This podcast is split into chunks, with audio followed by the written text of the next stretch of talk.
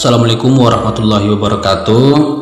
Belakangan ini di berbagai media sosial, baik itu media elektronik dan cetak, banyak seruan untuk memboikot terhadap produk Prancis dan itu semakin menggema di berbagai belahan negara khususnya yang mayoritas muslim di seluruh dunia tidak terkecuali juga dengan negara Indonesia sebagai negara dengan penduduk muslim terbesar. Imbauan untuk memboikot semua produk asal Prancis diserukan oleh Majelis Ulama Indonesia atau MUI.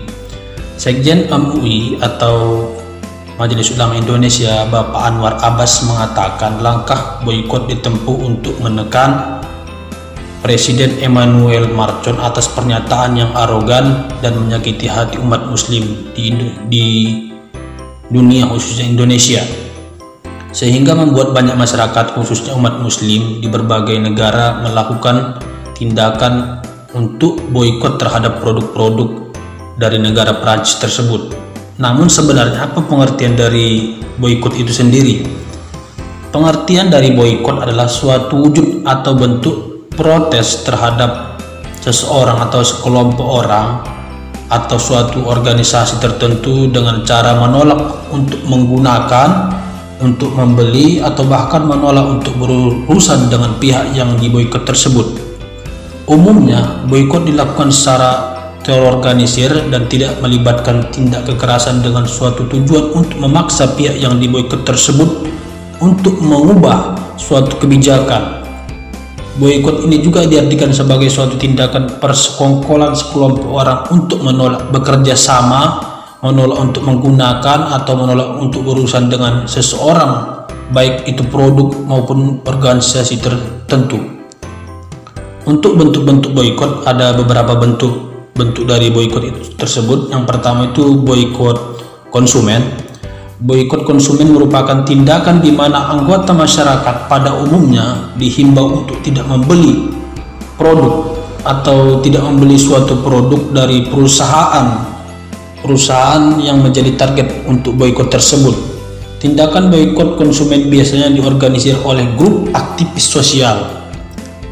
Tujuan dilakukannya boikot konsumen ini adalah sebagai tindak protes atas praktek ketidakadilan dan tidak etis seperti contoh perusahaan Walt Disney yang merupakan penerbit buku anak-anak terbesar di dunia pernah di boykot pernah melakukan boykot memakai kertas dari negara Indonesia. Yang kedua itu boykot bisnis to bisnis. Boykot bisnis to bisnis melakukan sebagai upaya perlindungan suatu bisnis terhadap bisnis lainnya.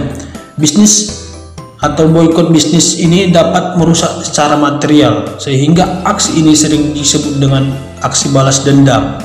Sebagai contoh pemboikotan produk Apple di Tiongkok pada saat perang dagang antara Amerika dengan Tiongkok. Yang selanjutnya itu pemboikotan employed walkout. Saat ini kata walkout lebih dikenal dengan pemogokan buruh di mana karyawan melakukan aktivitas mogok kerja untuk melakukan protes terhadap suatu perusahaan. Di beberapa negara, karyawan melakukan mogok, eh, mogok secara kolektif diperbolehkan untuk diberhentikan. Meskipun secara pengertian walkout berarti resign dari perusahaan tersebut. Adapun akibat yang muncul atau yang timbul dari pemboikotan suatu produk adalah tidak terjualnya produk yang telah diboikot di pasaran sehingga akan menimbulkan kerugian bagi negara-negara atau perusahaan yang telah diboikot tersebut. Cukup sekian podcast kali ini dan ini hanya pendapat saya pribadi. Jika ada kata-kata yang salah dan tidak berkenan, saya secara pribadi memohon maaf yang sebesar-besarnya. Sekian, wassalamualaikum warahmatullahi wabarakatuh.